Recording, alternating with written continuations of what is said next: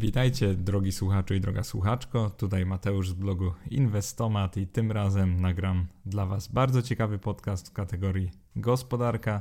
Będzie to nagranie o deficycie budżetowym Polski i innych krajów Unii Europejskiej. Sprawdzimy, kto w Unii żyje ponad stan, kto celowo się zadłuża, kto robi to może bezcelowo oraz zobaczymy, czy są w ogóle kraje, które potrafią dobrze gospodarować swoimi pieniędzmi. I choć ta tematyka może Ci się wydać y, na początku, jak na podcast, dość skomplikowana, to zaręczam Cię, że postaram się nagrać to dość ciekawie i wcale nie przymulać i nie mówić o tym za długo. Na wstępie chciałbym podziękować wszystkim, którzy zapisali się do newslettera. Mamy w tej chwili, w zasadzie w chwili jak to nagrywam, mamy już ponad 400 osób y, i też wysłałem tym osobom pierwszy taki prezent ode mnie.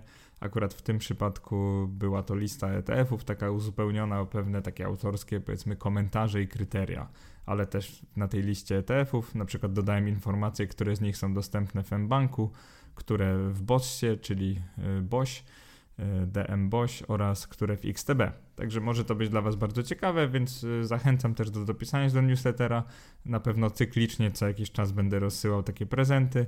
E, niestety nie oferuję tego w ten sposób, że wyślę każdemu, kto się do końca świata dopisze, natomiast e, będę takie nagrody co kilka miesięcy przesyłał swoim subskrybentom. Także bardzo dziękuję, jeżeli to zrobiliście oraz zachęcam do polubienia na Facebooku, bo jest tam ostatnio bardzo wiele ciekawych e, dyskusji, więc polubcie moją stronę, jeżeli tego jeszcze nie robicie. inwestomat.eu, inwestomat przez W, a nie V.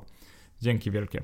Zaczynamy o czym powiemy sobie w tym podcaście i na ile części będzie on podzielony. Najpierw przejdziemy sobie przez PKB brutto, PKB na osobę oraz dynamikę PKB w krajach Unii Europejskiej, czyli w tych 28 krajach. W zasadzie byłych 28, ponieważ teraz powinno być to 27 plus Wielka Brytania, jednak omawiamy koniec roku 2019, ponieważ na grudzień 2019 właśnie Eurostat zamieścił te dane, czyli opublikował ostatnie dane. Więc mówimy o 28 krajach. Ja będę skrótowo mówił, że są to kraje Unii Europejskiej. No i wybaczcie mi, jeżeli e, bierzecie pod uwagę już Brexit, który oficjalnie nastąpił na początku tego roku, czyli 2020. Ja będę mówił o 28 krajach, ale w głowach możecie mieć, że teraz jest ich w zasadzie 27, a dodatkowo będę też mówił o Wielkiej Brytanii. Także w części pierwszej omówimy sobie PKB.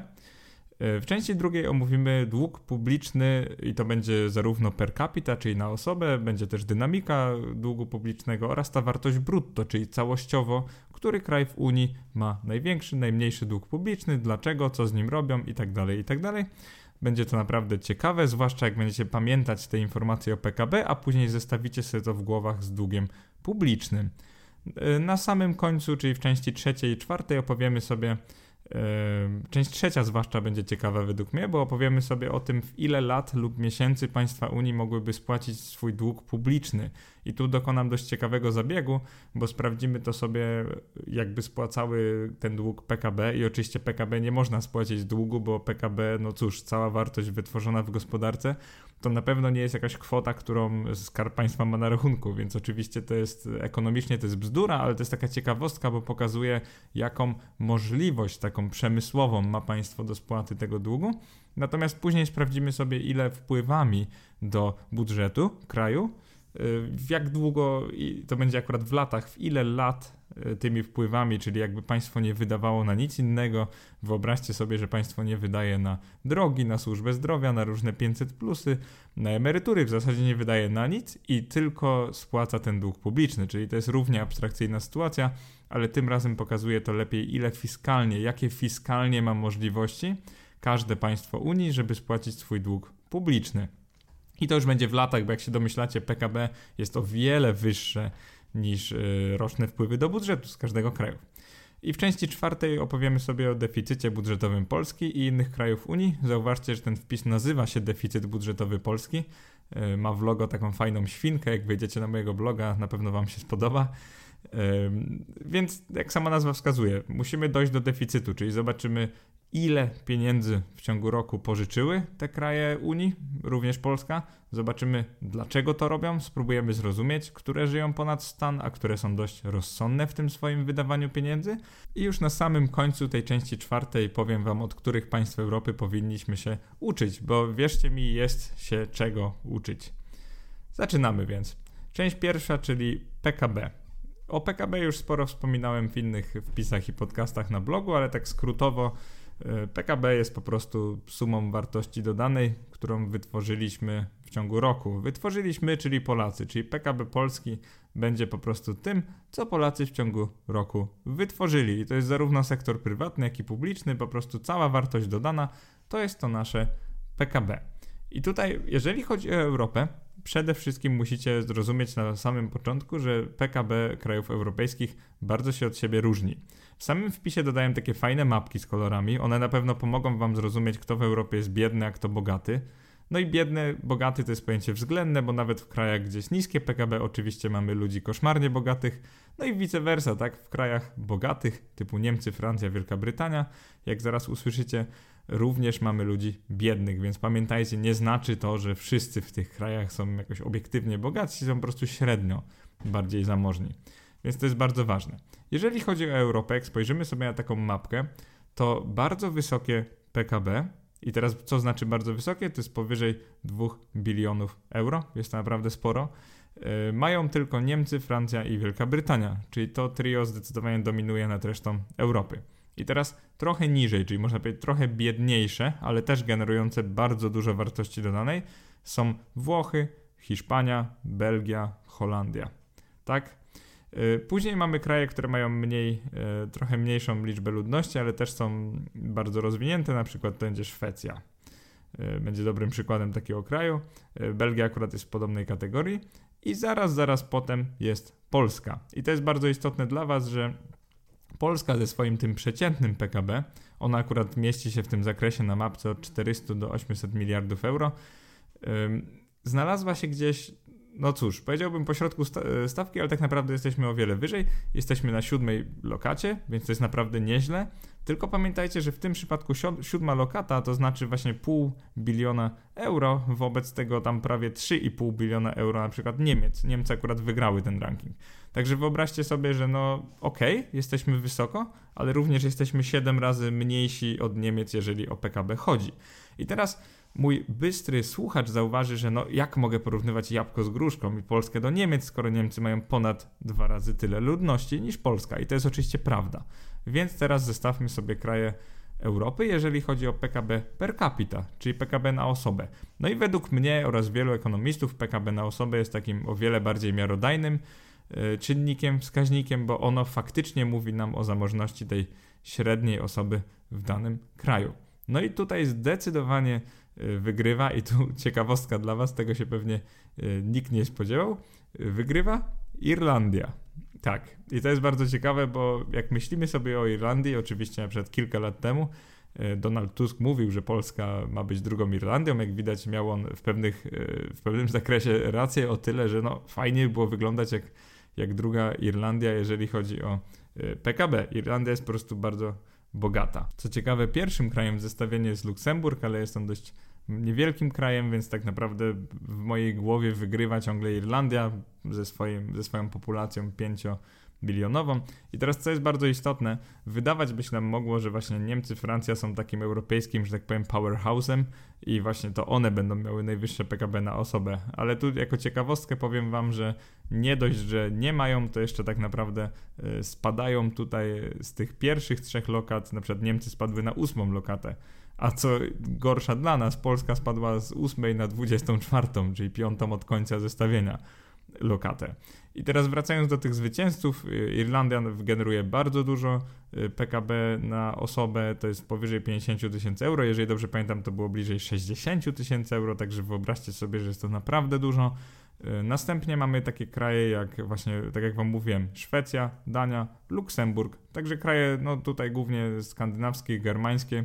One generują też bardzo dużo wartości, bo powyżej 40 tysięcy euro na osobę rocznie. I później, jeżeli chodzi o Niemcy i Francję, to właśnie spadły one trochę niżej i generują w tym przedziale 30-40 tysięcy euro na osobę. Jest to dalej bardzo, bardzo dużo, ale po prostu chodzi mi o to, że zobaczcie, jak się przeliczy na e, tą liczbę ludności, to okazuje się, że te kraje już nie są wcale takie produktywne, jak, jak spojrzymy na PKB brutto, które czyni je naprawdę światowymi potęgami. I teraz za, zapamiętajcie tą Irlandię, bo to jest bardzo ciekawy e, case na później, bardzo wysokie PKB na osobę i trochę spójrzmy na to polskie, czyli Polak generuje średnio 13 tysięcy euro wartości dodanej rocznie. Więc, hmm, no dobra. Co to właściwie znaczy? To znaczy przede wszystkim, że generujemy trzykrotnie mniejszą wartość dodaną rocznie niż na przykład Niemiec. I teraz pytanie brzmi, dlaczego ta nasza wartość dodana na osobę jest taka mimo wszystko niska? No cóż, prawdopodobnie dlatego, że usługi w naszej gospodarce dalej stanowią może i większość, ale taką delikatną. To dalej opisałem we wpisie, ale to jest bodajże tam około 60%. I zauważcie, że w takich prawdziwie rozwiniętych gospodarkach usługi potrafią e, no, totalnie dominować nad e, przemysłem oraz nad rolnictwem i na przykład stanowić 80 lub więcej procent gospodarek, więc to jest pierwsza sprawa.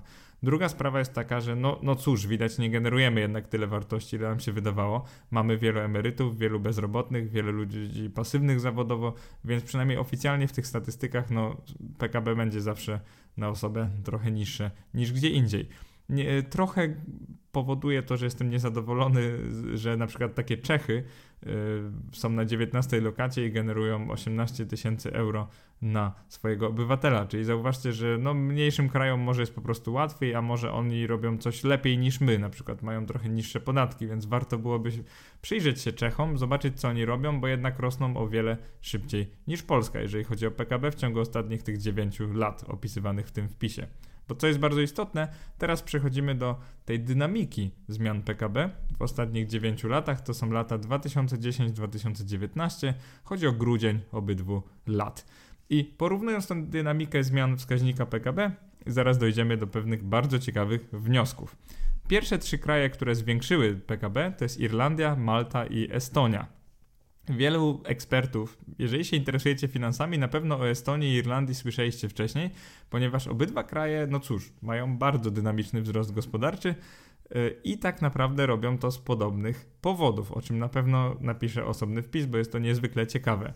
W zasadzie to Malta robi coś podobnego, po prostu jest mniejszym krajem wyspiarskim, ale tak naprawdę wszystkie trzy kraje rosną na tym, że są, mm, jeżeli nie rajami podatkowymi, to po prostu mają niższy CIT niż w innych krajach, więc duże korporacje przenoszą tam swoje siedziby i właśnie tam płacą podatek CIT, bo po prostu się opłaca. I żebyście zrozumieli o co chodzi, to Irlandia wzrosła przez te 9 lat, jeżeli chodzi o PKB, o dwukrotność, tak? O 107%. Ja tutaj z uśmiechem mówię, bo 107% to jest bardzo duży wzrost. Jak weźmiecie pod uwagę to, że taka Polska, a trąbi się nam, że rośniemy bardzo szybko już od wielu, wielu lat, taka Polska przez ten, ten sam okres wzrosła o 46%, czyli wzrost gospodarczy Irlandii jest naprawdę wow, wyższy o 60 punktów procentowych niż Polski. Po prostu rosną oni w tempie, no można powiedzieć, Y, przynajmniej dwukrotnie wyższym niż my, jeżeli nie trzykrotnym, więc to jest naprawdę godne podziwu, co robi taka Irlandia. Jeżeli chodzi o Maltę i Estonię, one również wzrosły praktycznie o dwukrotność w ciągu tych 9 lat, czyli niepełnej dekady. I co ciekawe, wszystkie te trzy kraje stop zrobiły to właśnie w podobny sposób, obniżając podatki. Więc to jest bardzo ważne dla moich słuchaczy. I oczywiście bardzo chętnie y, napiszę o tym oraz nagram o tym y, podcast, napiszę o tym artykuł, ponieważ ten temat jest szalenie ciekawy więc y, wrócimy do tego później. Jeżeli chodzi o kraje, które zmniejszyły swoje PKB, czyli pamiętajcie, Polska zwiększyła o te 46%, nie jest tak źle tak naprawdę, bo to nas plasuje gdzieś po środku tej stawki. Jeżeli chodzi o kraje, które, no cóż, mają najniższą dynamikę wzrostu lub nawet spadek yy, dynamiki PKB, y, no to to jest Grecja. Grecji PKB spadło o prawie że 18% w ciągu ostatniej dekady. To jest bardzo istotne. O Grecji na pewno słyszeliście. E, działo się to głównie w latach 2008-2012, kiedy to Grecja musiała po prostu zacząć spłacać swoje długi, nie mogła już się zadłużać, więc nie mogła prowadzić tej gospodarki na kredyt, że tak powiem. Niestety od tego czasu prawie, że ich PKB nie wzrosło i ta dynamika całościowa przez dekadę wynosi no niestety minus 17%. Jeżeli chodzi o Włochy i Cypr, jest tu trochę lepiej, ponieważ obydwa kraje jednak rosną. Niestety rosną one o jakieś 13%, także powoduje to, że są na samym końcu zestawienia. Ponieważ przez dekadę 13%, jak weźmiecie pod uwagę to, że taka Irlandia wzrosła 100 coś procent, to w tej perspektywie taki wynik, no przynajmniej nie jest imponujący, żebym był z wami szczery. Więc jeżeli macie pewne wątpliwości do tego, czy PKB Polski rośnie szybko, to powiem Wam uczciwie, ono rośnie w takiej, no, przeciętnej Y, z taką przeciętną prędkością, więc jeżeli ktoś by wam mówił, że Polska rozwija się bardzo szybko, to powiem wam szczerze, no nie, jest wiele krajów w Unii Europejskiej, które rozwijają się o wiele szybciej, nie mówiąc już o krajach spoza Unii, o których oczywiście nie będę tutaj mówił, ale tak z ciekawości, jeżeli jesteście ciekawi, możemy sobie podyskutować w komentarzach pod tym wpisem na moim blogu investomat.eu, no ale sami zobaczycie, że kraje spoza Unii rosną zwykle jeszcze szybciej niż te z Unii. Więc PKB sobie omówiliśmy. Tak podsumowując lekko tą pierwszą część, no to Niemcy, Francja i Wielka Brytania generują największe PKB, no ale na osobę wygląda to zgoła inaczej. Tam są już kraje skandynawskie, Luksemburg oraz Irlandia, więc zapamiętajcie to, bo to się przyda zaraz. Jeżeli chodzi o dług publiczny, to zacznijmy od tego, czym dług publiczny jest, bo to jest często mieszane z różnymi innymi pojęciami. Dług publiczny to jest w moich prostych słowach, to jest po prostu suma tych deficytów ze wszystkich lat, czyli państwo po, zapożycza się w każdym roku, na przykład pożycza, nie wiem, 10 milionów złotych każdego roku, to przez 10 lat ten de, dług publiczny to będzie po prostu suma, czyli 100 milionów złotych w tym przypadku. To jest takie wielkie uproszczenie tego, czym jest dług publiczny. E, publiczny oznacza sektora publicznego, oznacza skarbu państwa. E, mniej więcej znaczy to, że na tym centralnym poziomie rząd ma różne pomysły na wydatki, na przykład program 500, wydaje pieniądze na właśnie takie rzeczy oraz oczywiście na inne, może trochę ważniejsze rzeczy, typu obronność kraju, służba zdrowia i tak dalej, edukacja. E, I dług publiczny jest po prostu tym nawarstwieniem tego, że rząd gospodaruje pieniędzmi no trochę źle. Źle w sensie, że wydaje więcej pieniędzy niż ma. I powiem wam szczerze, że bardzo wiele osób w internecie nawet często atakuje mnie za to, że no przecież wszyscy tak robią, to my też tak róbmy, bo inaczej nie będziemy konkurencyjni. I szczerze mówiąc w tym myśleniu coś jest, ale pamiętajcie, że każdy dług w końcu trzeba spłacić, a on generuje roczne odsetki, czyli po prostu im większy on będzie, tym więcej rocznie będziemy musieli na niego wydawać, a nie na inne rzeczy. Więc oczywiście jest tu spór między ekonomistami, e, zwłaszcza tymi, którzy są e, za jakby tą myślą Keynesa, a tymi, którzy są za myślą hajka. O tym kiedyś też na pewno napiszę, także na spokojnie. Oczywiście ci, którzy mnie słuchają, mogą się domyśleć, w której grupie ja jestem, więc też nie będę nic deklarował. No ale wracamy do długu publicznego w Unii Europejskiej. Jest kilka krajów, które mają ten dług publiczny brutto naprawdę ogromny, ja go nazywam krytycznym i to jest powyżej 2 bilionów euro. Pamiętajcie, powyżej 2 bilionów. E, wracając do PKB, no to pamiętajcie, że rzadko który kraj miał takie PKB, czyli w ciągu roku tworzył tyle wartości łącznie. No i teraz e, takich krajów jest akurat w Europie cztery. Są to Włochy, Wielka Brytania, Francja i Niemcy, więc te kraje sumarycznie zapożyczyły najwięcej. W tym zestawieniu Polska nie jest na takiej złej lokacie. Jesteśmy właśnie, no jak zwykle, gdzieś po środku. Nasze zadłużenie, ja je nazywam, jest umiarkowane czyli sumarycznie mamy tylko ten ćwierć biliona euro, czyli tak możecie sobie wyobrazić gdzieś wizualnie, to jest gdzieś jedna dziesiąta tego e, włoskiego na przykład. Więc nie zapożyczyliśmy się może na tak wiele, ale jak zaraz zobaczycie, jak pamiętacie PKB per capita, może nam być ciężko spłacić nawet taki dług, bo mimo wszystko jest to zadłużenie dość spore. I teraz jeden z moich e, czytelników na Facebooku spytał mnie jakiś czas temu, jak wygląda to zadłużenie per capita, czyli na osobę. I jest to faktycznie bardzo ciekawe, no bo co z tego, że najbardziej zadłużyły się te cztery kraje, jak nie wiemy, czy są tak zadłużone na osobę, więc znowu dokonujemy tego samego zabiegu i trochę odwracamy tą statystykę i patrzymy teraz, który kraj zadłużył się najbardziej na osobę. I teraz byście się pewnie spodziewali, że będą to Włochy, Grecja, albo Hiszpania. No i teraz nic bardziej mylnego, ponieważ najbardziej na osobę są zadłużone Irlandia i Belgia. Tak, to jest ta sama Irlandia, która zanotowała taki imponujący wzrost PKB w wysokości bodajże 107% w ciągu 9 lat.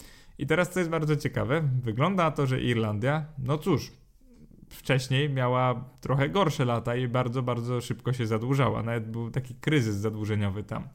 I co jest bardzo ciekawe, to to, że Irlandia ten dług sukcesywnie spłaca, czyli jego wartość naprawdę sporo spadła, bo o 15% od 2013 roku. Niemniej w przeliczeniu na jedną osobę jest on naprawdę kolosalny, bo tak jak wam mówi, że, mówiłem, wynosi powyżej 40 e, tysięcy euro właśnie na jedną osobę. Czyli to jest bardzo, bardzo, bardzo dużo. I teraz jak dużo to jest? No, w porównaniu z tym krajem, pol, polski dług na osobę nie wygląda tak źle, bo jest on w, tej, w tym zakresie pomiędzy 5 a 10 tysięcy euro na łebka. czyli jest 8-9 razy mniejszy niż na, na przykład takiej Irlandii. No i pomyślicie sobie, że jest to bardzo dobrze. No i teraz chciałem wam przypomnieć, że okay, skoro taki przeciętny Polak ma niski dług jakby na, na, na, siebie i teraz nie mylcie z tego z pożyczką, którą sam zaciągnął, bo mówię teraz o długu publicznym, czyli tym, co kraj jakby na łebka zaciągnął, Skoro jest taki niski i powiedzmy, że 10 tysięcy euro na osobę to jest mało, no to przypominam, że nasze PKB na osobę jest niewiele y, większe, więc jakby może powinniśmy patrzeć na to y, w powiązaniu z PKB, a nie tak w oderwaniu od niego. Więc to jest bardzo ważne. Jeżeli chodzi o inne kraje Europy, to jest ciekawe, że z takich krajów rozwiniętych, krajów zachodu tak zwanych, tak naprawdę tylko Szwecja i Dana mają, Dania mają umiarkowany y, ten dług na osobę i, to, i on wynosi mniej niż 20 tysięcy. Jest to tam dwukrotnie mniejszy niż np. dług na osobę Niemiec. Więc tylko one prowadzą tą politykę zadłużeniową trochę bardziej defensywnie. Jeżeli chodzi o kraje byłego bloku wschodniego, tak naprawdę wszystkie na mapce będą na zielono, to znaczy, że właśnie są dość mało zadłużone na osobę. Tylko pamiętajcie, że to jest pułapka, ponieważ równie mało e, generują na osobę, jeżeli chodzi o PKB. I teraz, jeżeli chodzi o zmianę długu publicznego w Unii Europejskiej w latach 2010-19, tutaj znowu mamy zwycięzców i przegranych. I w tym przypadku, oczywiście, zwycięzcy to będą ci, którzy najmniej yy, się zadłużali oraz ci, którym ten dług nawet spadł. I teraz chodzi o kraje, które, no jak widać, defensywnie gospodarowały pieniędzmi, czyli dobrze. Będzie to na przykład Grecja, Dania i Niemcy i wszystkie te trzy kraje delikatnie obniżyły swój dług publiczny. I to, co jest ważne, o ile nie, Niemcy i Danię można naprawdę pochwalić, bo oznacza to, że rozwijają się w taki sposób, po angielsku byłoby to sustainable, e, taki sposób, który można po prostu kontynuować przez lata, nie zwiększając swojego długu, to Grecja, no cóż, Grecja zredukowała lekko swój dług tylko dlatego, że jej wierzyciele, czyli inne kraje, które pożyczyły im e, gotówkę, były po prostu skłonne Y, część z tego długu umorzyć. I tu macie całą tajemnicę, dlaczego dług Grecji jest niższy niż był na przykład 10 lat temu, ponieważ z tego co pamiętam, tam chyba 40 parę procent właśnie długu tego w rękach banków, czy nawet 50 było umorzone. Y, macie o tym więcej we wpisie, także nie będę tutaj gadał głupot. Y, więc przechodzimy teraz do krajów, które najbardziej zwiększyły swój dług. No i tutaj jest ciekawostka, bo w tych krajach E, tutaj właściwie dominuje Estonia. Okazuje się, że Estonia zwiększyła swój dług o ponad dwukrotność, ten dług na osobę lub nie. Jest to no, bardzo dużo. Zwłaszcza jak pomyślimy sobie, no Estonia to jest ten sam kraj, który wcześniej był na szczycie tego e, rankingu. I teraz e, na, rankingu dynamiki PKB. I teraz wygląda to, że jest takie jest jakaś zależność między Y, wzrostem PKB, a wzrostem długu. No tak niekoniecznie, ale w tej chwili możemy mieć takie podejrzenia. Inne kraje, które również mocno zwiększyły swój dług publiczny, to Słowenia, Rumunia i Bułgaria. Tylko co z tego, że one go mocno zwiększyły, jak tak naprawdę stale jest on bardzo niewielki w stosunku do PKB, o czym zaraz usłyszycie. Jeżeli chodzi o Polskę, no nie jest tak źle, bo zwiększyliśmy swój dług publiczny no, tylko o 26%. No i pamiętajcie, 26% wobec Niemiec, które nie zwiększyły go wcale, a wręcz go trochę y, spłyciły oraz takiej Rumunii, która zwiększyła go o 112%. Także 26% przy Rumunii nie jest źle, no tylko nasz dług publiczny zaczyna wyglądać nieciekawie. Po prostu on jest nominalnie dość wysoki i na pewno o wiele wyższy niż ten dług publiczny na osobę w krajach bloku wschodniego, w tych innych krajach bloku y, wschodniego. I teraz, jeżeli chodzi o zmianę zadłużenia, to oczywiście, tak jak mówiłem, chwalimy Niemcy i Danię, nieco krytycznie patrzymy na Estonię, Słowenię, Rumunię i Bułgarię, na Polskę oczywiście też, bo to nasz kraj i nie chcielibyśmy, żeby się za bardzo zadłużał.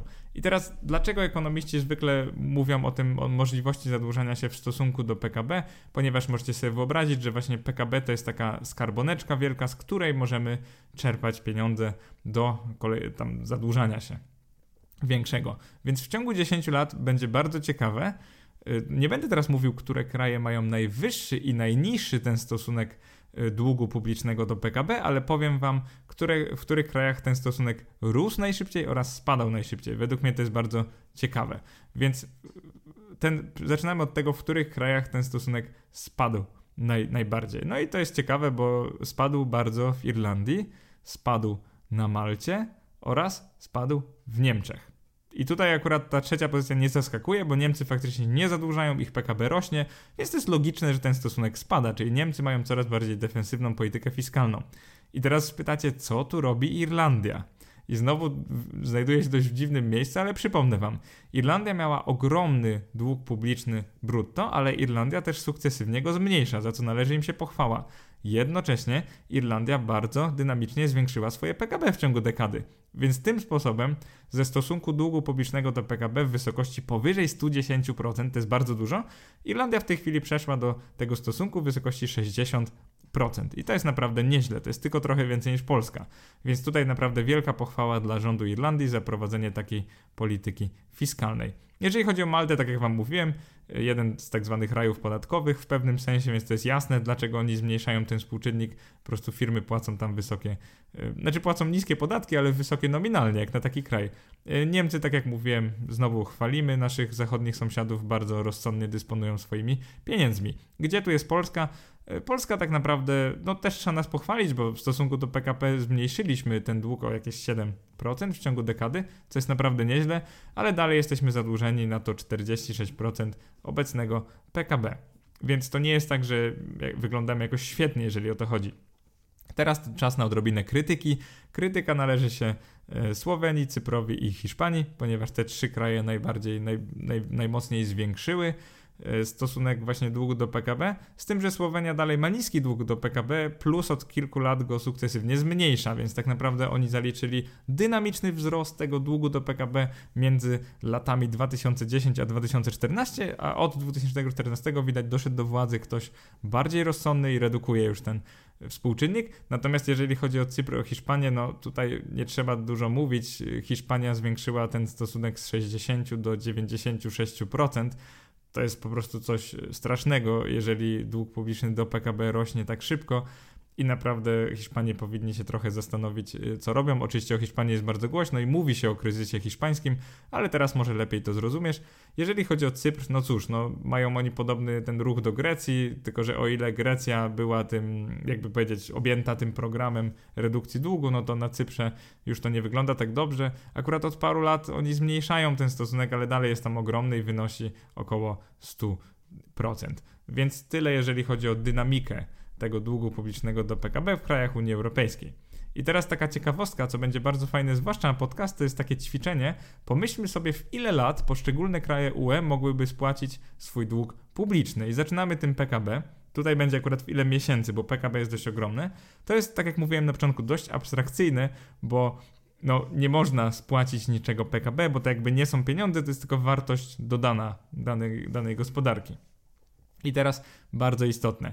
Najszybciej swoje, swój dług publiczny spłaciłyby właśnie kraje bloku wschodniego, wschodniego głównie. Tu jest akurat Estonia i Bułgaria trochę wolniej, i to pomyślcie sobie, że w 3 miesiące, także bardzo szybko, trochę wolniej, bo w około no, 3 do 5-6 miesięcy tam już jest Rumunia, Czechy, Polska, Litwa i Łotwa. Także mamy kraje bloku wschodniego i co jest bardzo ciekawe, jest tam też Dania i Szwecja. I to pokazuje ten rozsądek Danii i Szwecji, jeżeli chodzi o gospodarowanie pieniędzmi, ponieważ ich dług, dług publiczny zwyczajnie nie jest bardzo wysoki, więc da się go też spłacić tym PKB w kilka miesięcy. I teraz jeżeli chodzi o tą przeciwną stronę zestawienia, to znalazły się tam oczywiście Włochy, Grecja i Portugalia. Hiszpania tak naprawdę spłaciłaby w 10 do 12 miesięcy, więc nie jest tak źle.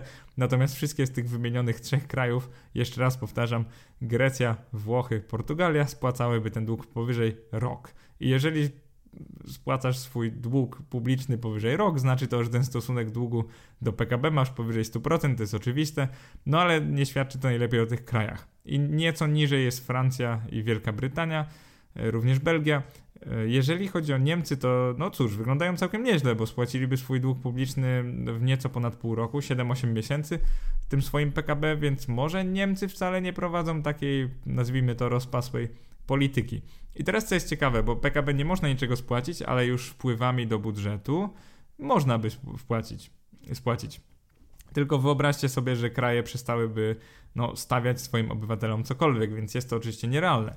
No ale w pewnym sensie to są prawdziwe pieniądze i można by nimi coś spłacić. I teraz jeżeli chodzi o spłatę tymi wpływami do budżetu, to raczej liczymy to w latach. Jest akurat kilka krajów w Europie, które mogłyby to y, spłacić, y, ten swój dług, y, w poniżej roku i to będzie na przykład Estonia i Bułgaria znowu. Niewiele więcej potrzebuje Dania, to jest też około roku. Natomiast już Szwecja, Litwa, Czechy i Rumunia potrzebowałyby tak między rokiem a półtora, czyli trochę dłużej. Jeżeli chodzi o Polskę, to my potrzebujemy, do, to jest chyba dokładnie dwa lata, y, żeby jakbyśmy wszystkie wpływy do budżetu kierowali na spłatę długu, byłoby to z tego co pamiętam trochę więcej niż y, dwa lata, tylko pamiętajcie, że to jest nierealne, więc oczywiście nie możemy spłacić całymi wpływami takiego długu. I znowu, trochę gorzej radzą sobie Niemcy, Francja, Włochy. Oni by potrzebowali 3, 4, a nawet 5 lat na taką spłatę. Najgorzej radzi sobie Hiszpania i Grecja, które potrzebowałyby aż 5 lub więcej lat tych wpływów budżetowych, które całe byłyby przekierowane na spłatę długu, żeby tylko spłacić swój dług publiczny. I teraz wyobraźcie sobie, w jakiej strasznej jesteśmy sytuacji, bo może myśleliście, że te długi nie są aż takie ogromne, ale powiem wam szczerze, że taka spłata w powyżej no, dwóch, trzech lat to naprawdę budzi pewne wątpliwości, czy ten dług w ogóle da się spłacić, albo już w ogóle, czy on będzie kiedyś spłacony. Więc niektórzy ekonomowie, ekonomiści już się śmieją, że tak naprawdę w tym długu nie chodzi o to, żeby on był spłacony i wszystkie kraje po prostu godzą się na to, że on będzie istniał wiecznie. Teraz dla Was taka informacja na, na marginesie to jest to, że ten dług jest zaciągany zarówno o swoich obywateli, jak i e, zagranicznych wierzycieli, na przykład zagranicznych banków lub po prostu urządów innych państw lub banków centralnych. Więc e, oczywiście ten dług będzie trzeba kiedyś spłacić, a przynajmniej ktoś się o niego upomni. To są oczywiście obligacje, to są te same obligacje skarbowe, które ty, drogi czytelniku, lub ty, droga czytelniczko, mogliście niedawno kupić po tych jeszcze lepszych e, stopach zwrotu. Więc no po prostu te obligacje trzeba spłacać lub rolować, ale jak ich jest ciągle więcej, to oczywiście jest ciężej je spłacić. I teraz przechodzimy do sedna tego wpisu, ostatnie, ostatnie 3 minuty podcastu, deficyt budżetowy Polski i innych krajów Unii. Czyli teraz już wiecie, w jakiej sytuacji fiskalnej jest który, każdy z krajów, więc spójrzmy na to, które kraje mają wysoki deficyt, czyli w ciągu roku 2019 zapożyczyły najwięcej pieniędzy oraz które mają najniższy. No i ten bardzo wysoki, czyli powyżej 50 miliardów euro, pamiętajcie, miliardów w ciągu jednego roku, bardzo dużo, mają Francja i Wielka Brytania, czyli to one zapożyczyły się najwięcej. Jeżeli chodzi o Włochy i Hiszpanię, no tu jest akurat trochę lepiej, bo mają one wysoki deficyt, czyli między 20 a 50 miliardami euro. Tylko przypominam, obydwa kraje Włochy i Hiszpania są w tragicznej sytuacji y, finansowej, jeżeli chodzi o zarówno wzrost PKB, jak i wzrost długu, więc to jest bardzo złe, że te kraje zadłużyły się aż o no właśnie około 30-40 miliardów euro w ciągu jednego roku. I teraz, co budzi moje pewne wątpliwości, to jest to, dlaczego Polska znalazła się w trzeciej kategorii, y, najgorszej, czyli raczej wysoki deficyt, to jest między 3 a 20 miliardami euro. My akurat mamy taki około 4 miliardów euro, czyli na złote tam 16-17 miliardów w zeszłym roku. Oczywiście nasz rząd bardzo promuje ten budżet bez deficytu. Y, idea jest bardzo szczytna, pomysł jest naprawdę genialny, tylko teraz pozostaje go zrealizować. Tak naprawdę nie rozumiem, czemu Polska się zapożycza i na przykład gdybyśmy Mm, usunęli wydatki na na przykład program 500, to zamiast tego deficytu w wysokości 4 miliardów euro mielibyśmy nadwyżkę 7 miliardów euro i moglibyśmy zacząć spłacać swój dług publiczny. I to by oznaczało, że w ciągu kilkunastu lat, przy założeniu zwiększającego się PKB oraz rozsądnych rządów, byśmy mogli spłacić cały swój dług publiczny, co było naprawdę niesamowite, bo wtedy całe wpływy z podatków od naszych obywateli mogłyby iść faktycznie na jakieś pożyteczne rzeczy, a nie na spłatę zadłużenia u wierzycieli, więc to jest bardzo, bardzo ważne. I teraz najwyższe deficyty, jak mówiłem, Francja, Wielka Brytania, natomiast y, bardzo mały deficyt, to jest bardzo, bardzo fajne i godne pochwały, miały tutaj Niemcy, Holandia jest w tym zestawieniu, y, Szwecja, Dania, oraz, tak jak wam wcześniej mówiłem, Grecja, ponieważ Grecja już nie może się zadłużać, więc jeżeli kraj nie może, to tego nie robi. Irlandia też jest tutaj bardzo wysoko. I na sam koniec, y, od których krajów Unii Europejskiej moglibyśmy się uczyć i czego? Od Niemiec i Danii moglibyśmy się uczyć niezadłużania się, ponieważ robimy to za szybko, te kraje umieją się nie zadłużać. Od Irlandii i Estonii moglibyśmy uczyć się tego szybkiego wzrostu PKB, czyli spójrzmy, co te kraje zrobiły i spróbujmy zrobić to samo, ponieważ te kraje praktycznie podwoiły swoje PKB. Od Holandii i Szwecji natomiast moglibyśmy nauczyć się no, przestać zadłużać, ponieważ te kraje jeszcze parę lat temu bardzo szybko je zadłużały, a teraz nie zadłużają się w ogóle. Więc jest, są to naprawdę świetne wzory. We wpisie znajdziecie taką bardzo fajną tabelkę podsumowującą cały y, wpis i podcast. Tam macie wszystkie dane, o których mówiłem. W podcaście starałem się unikać danych, tylko tak bardziej procentowo mówić. Y, podsumowując, myślę, że polska polityka fiskalna mogła być prowadzona znacznie lepiej. Y, konkrety znajdziecie we wpisie, także to jest też do dyskusji. Jestem bardzo ciekaw, co wy myślicie o tej polityce. Zostawcie mi komentarz na blogu, polubcie mnie na Facebooku. Oczywiście piszcie do mnie, jestem zawsze bardzo ciekaw waszej opinii. Mm, nie tylko na tematy inwestycyjne, także bardzo lubię dyskutować na tematy gospodarcze. Więc jeżeli też jesteście zainteresowani, to bardzo Wam dziękuję i zachęcam do kontaktu. Cześć!